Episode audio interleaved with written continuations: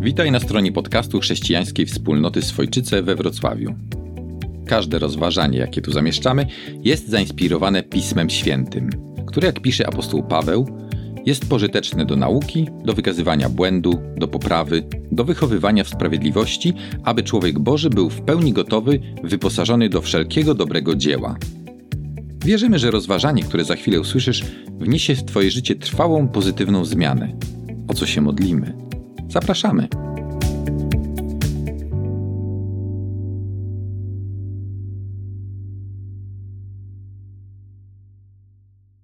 Najpóźniej, kiedy tego rodzaju obrazki pojawiają się na billboardach, w telewizji lub w naszej skryt, skrytce pocztowej, jak się włączy pilot, to nawet będzie działać. Ok. To wiemy, że zbliżają się święta Bożego Narodzenia. I patrząc się na wszystkie te reklamy, ale też słuchając ludzi wokół nas, musimy dojść do oczywistego wniosku. Święta Bożego Narodzenia to święta rodzinne i powinniśmy je spędzać w wspólnej harmonii, pełnej godności i zgody przy świątecznie wystrojonym stole w zaszczytnej atmosferze. Patrząc się na owe plakaty, już widzę przed oczami mojej duszy, jak to było wtedy, kiedy Jezus, Syn Boży, przyszedł na świat. W przytulnej stajence pewnego betlejemskiego gospodarstwa agroturystycznego. Maria owinęła Jezusa w mięciutkie pieluszki zdrapanej bawełny i położyła go na świeżo przez Józefa przygotowanym i pachnącym sianie. A w tle osiołek, krowa i dwie owce mruczały lulejże Jezuniu. Jak już się domyślacie, trochę przesadziłem. E, I oczywiście macie rację, przesadziłem. I dlatego też z wami chcę się dzisiaj zajrzeć, chcę z wami dzisiaj zajrzeć do pierwotnych źródeł i sprawdzić, jak to było wtedy w Betlejem. W jakich warunkach, gdzie, u kogo urodził się Jezus i o co w tym wszystkim chodzi też dla nas. W ostatnich dniach znowu studiowałem historię narodzin Jezusa z Ewangelii Mateusza i Łukasza i kilka rzeczy, rzeczy rzuciło mi się w oczy. Skoro mówimy tak często w naszym społeczeństwie, że święta Bożego Narodzenia są świętem rodzinnym, to rzuciłem okiem, w jakiej rodzinie urodził się Jezus. I na szczęście zaraz na początku Ewangelii Mateusza możecie otworzyć początek Nowego Testamentu, Ewangelia Mateusza, pierwszy rozdział. Tam mamy rodowód Jezusa. A wiecie, po co ma się rodowody? Żeby pokazać, z jak zacnej rodzinie się pochodzi. I rodowód Jezusa zaczyna się od Abrahama i pokazuje nam najważniejsze 58 osób w rodowodzie Jezusa. A w tym rodowodzie widzimy cztery bardzo podobne, przynajmniej w greckim, zdania. Juda był ojcem Faresa i Sary i matką była Tamar. Salmon był ojcem Boaza, matką zaś była Rahab. Boaz oraz Rut byli rodzicami Obeda. Dawid był ojcem Salomona, a jego matką była żona Uriasza. I to jest ciekawe, bo każdy z tych zdań mówi o jakiejś historii w rodowodzie Jezusa, która tak naprawdę jest kolejną plamą na rodowodzie Jezusa. Widzimy tutaj oszustwo, niemoralność, brak wiary, a nawet morderstwo i zdradę. I to zazwyczaj nie ze strony tych wspomnianych czterech kobiet. Nie, zazwyczaj to ich mężowie lub teściowie przynieśli wstyd i kłopoty całej rodzinie. Faktem jest, że rodzina, w której Jezus się urodził, nie była doskonała. Nie była bezbłędna, nie równała się rodzinom, które widzimy na świątecznych reklamach. Była to rodzina doświadczona zdradą, zdradą, kłamstwem i problemami, tak jak moja rodzina i twoja. No ale to wszystko było bardzo daleko, kilka pokoleń wstecz, więc e, u rodziców Jezusa nie ma nic takiego, nie? Nic, nie czytamy nic podobnego. Jednak w szesnastym wersecie czytamy, a jako był ojcem Józefa, męża Marii, z której narodził się Jezus zwany Chrystusem. Zauważyliście tą zmianę? Mateusz nie pisze, a Jezus zrodził z Marii Jezusa, tak jak było w poprzednich. Bo dobrze wiemy, że tak nie było. Dlatego kilka zdań później czytamy, zanim się zeszli, była brzemienna z Ducha Świętego. Zanim się zeszli, czyli przed ślubem. W społeczeństwie, które było dumne ze swoich wysokich moralnych standardów, w społeczeństwie, które, w którym cudzołóstwo karało się ukamienowaniem, zaś w ciąże przed ślubem, stawiało ciebie jako kobietę w bardzo poważne problemy, w bardzo niewygodną sytuację. Co miała powiedzieć swojemu narzeczono, narzeczonowi, narzeczonemu?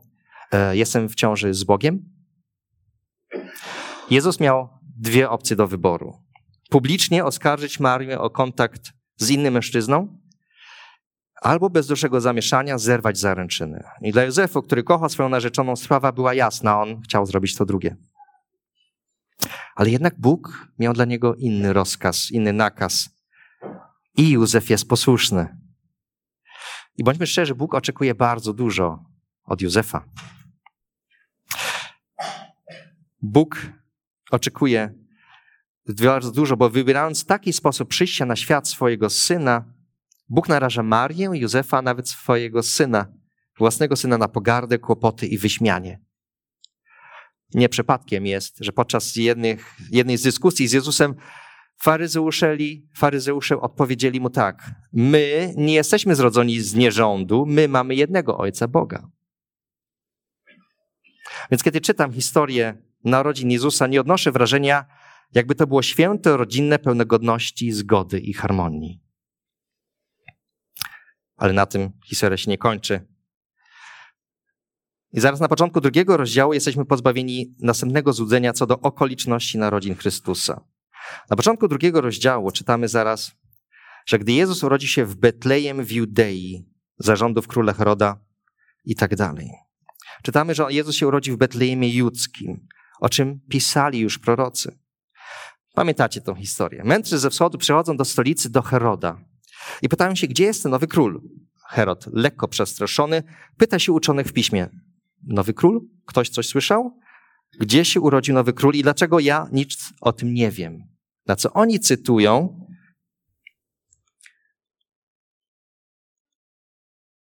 Przepraszam, za daleko.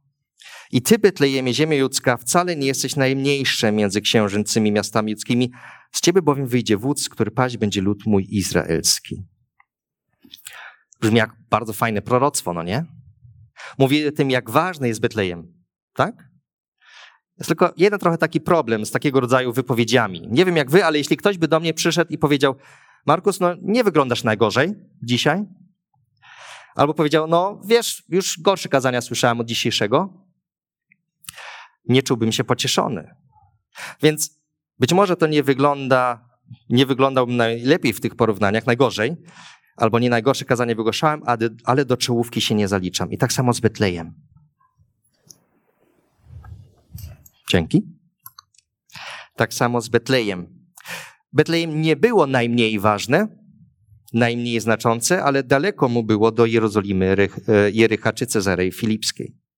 Albo jeszcze inaczej, Betlejem nie było miastem, z którego byśmy się mogli spodziewać Zbawiciela świata, Syna Bożego. Osoby, która ma odwrócić świat do góry nogami. Zresztą tak samo widzieli to mędrcy, którzy szukali go najpierw w Jerozolimie, a nie gdzieś w jakiejś małej wiosce na poboczu. Albo nawet sam Herod tak myślał. Więc miejsce urodzenia Jezusa nie spełniało oczekiwań, które do, co do ważnej osoby w, na, w życiu narodu izraelskiego. Zresztą tak samo jak jego miejsce zamieszkania w dalszych latach. Nazaret. Nazaret to takie izraelskie Marklowice, albo Wałbrzych, albo Otwock. Urodziny i lata dziecięce nie odbywały się więc w zaszczytnej atmosferze Pałacu Królewskiego, ale miały miejsce na prowincji, na obrzeżach życia społecznego. Ale to nadal nie koniec, jeśli się przyjrzymy warunkom, w którym Jezus się urodził. I tym razem musimy zajrzeć do Ewangelii Łukasza.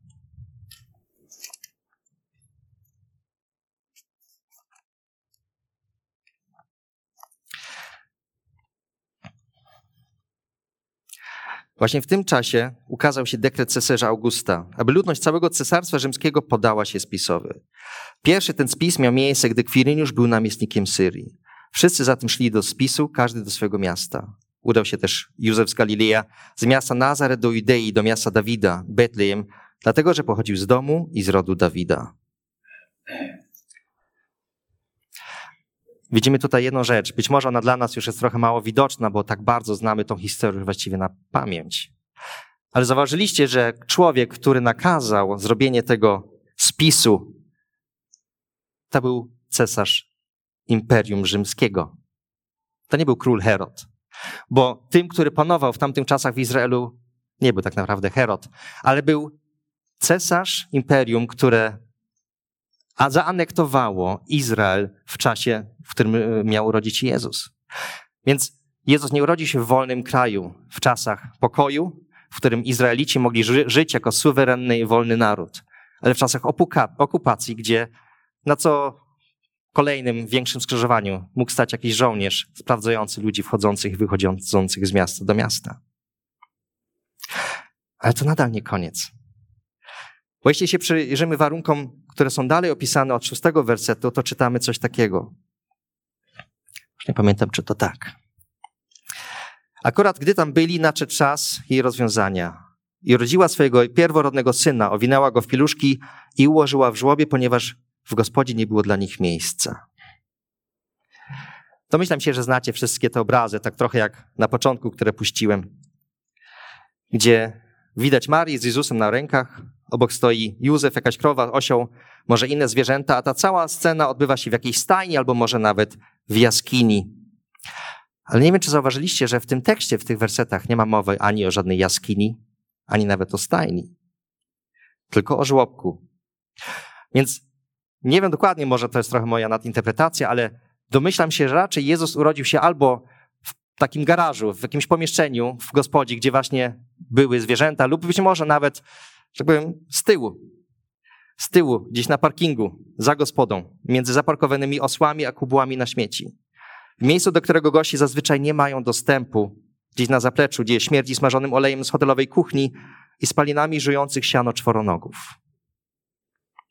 Więc kiedy czytam te teksty, to znowu nie odnoszę wrażenia, jakby to było święte, rodzinne, pełne godności, nie wspominając już w ogóle o jakimśkolwiek świątecznym stole. Mógłbym teraz dalej długo mówić o pierwszych świadkach, o cuchnących pasterzach, o pierwszych honorowych gościach, jakichś podejrzanych arabskich magikach. Ale myślę, że już wiecie o co mi chodzi. Narodziny Jezusa, tak zresztą jak całe jego życie, nie, spe- nie spełniały oczekiwań jego rodaków. Nie, nie tak sobie oni wyobrażali króla, nie tak Mesjasza, nie tak proroka, nie tak sługę Pana. Jezus tak samo dzisiaj nie zawsze spełnia nasze oczekiwania. Bo święta Bożego Narodzenia, te pierwsze, wyglądały inaczej niż myślisz. Bardzo inaczej. Nie były to nasze wymarzone rodzinne święta. Były one pozbawione zaszczytnej atmosfery czy pięknego wystroju. A na pierwszy rzut oka nie było tam ani harmonii, ani godności.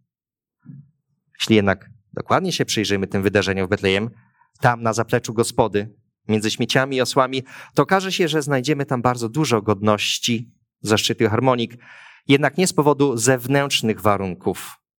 Też nie z powodu na Marię czy Józef, ale z powodu tego, który się tam urodził, tego, który leżał tam w żłobku. On przyszedł na świat, na nasz świat, na świat taki, jaki on jest, a nie jakim byśmy chcieli, żeby on był. On przyszedł do naszych domów, jakie one są, nie do tych, jakie byśmy chcieli mieć. Do naszych żyć, tak jak one są, a nie do takich, jakie byśmy chcieli, żeby one były. Prawdziwie świętować Boże Narodzenie nie znaczy więc uporczywie dekorować świąteczny stół, choinkę albo całe mieszkanie, zamiatając jednocześnie konflikty rodzinne pod dywan. Prawdziwie świętować Boże Narodzenie nie znaczy sztucznie tworzyć świąteczną atmosferę. Prawdziwie świętujesz Boże Narodzenie wtedy, kiedy rozumiesz, że Jezus przyszedł do ciebie. Nawet jeśli twoja rodzina nie ma, jeśli nawet jeśli twoja rodzina ma niejednego trupa w szafie. Kiedy rozumiesz, że On przyszedł do ciebie. Nawet jeśli twoje relacje rodzinne można opisać słynnym statusem z Facebooka, to skomplikowane. Prawdziwie świętujesz Boże Narodzenie, kiedy rozumiesz, że Jezus przyszedł do ciebie, nawet jeśli najchętniej zapomniałbyś, skąd pochodzisz. Prawdziwie świętujesz Boże Narodzenie, kiedy rozumiesz, że Jezus przyszedł do ciebie, nawet jeśli twoje mieszkanie albo nawet twoje życie jest pozbawione wszelkiej godności. Bo święta Bożego Narodzenia są twoim świętem, mimo tego wszystkiego. Mogą być twoim świętem, bo sednem tych świąt nie są okoliczności, ale Bóg przychodzący do twojego życia. A teraz wszystko zależy od ciebie. Czy zignorujesz To wszystko, co słyszałeś, co Jezus zrobił dla ciebie, przychodząc na ten nie zawsze fajny świat? Czy będziesz dalej dekorował stół bożonarodzeniowy uporczywie, żeby wyglądało wszystko bardzo ładnie na zdjęciach? Czy może jednak otworzysz mu swój dom, swoje życie, swoje serce, aby jego przywitać, który przychodzi do twojego życia tak, jak on jest? Bo właśnie po to on przyszedł na ten świat. Amen. Gdy w Twoich uszach brzmią jeszcze słowa rozważania, zachęcamy Cię, żebyś w krótkiej modlitwie zwrócił się do Boga, aby utrwalał swoje słowo w Twoim codziennym życiu. A jeśli jesteś zachęcony, aby nawiązać głębszą relację ze Stwórcą, zwróć się do Niego w prostych słowach, zapraszając, aby stał się Twoim Panem i przejął stery Twojego życia. Zapraszamy Cię, abyś nas odwiedził na niedzielnym nabożeństwie, jeśli jesteś z Wrocławia lub okolic. Nasz adres znajdziesz na stronie internetowej www.wroclaw.kwch.org.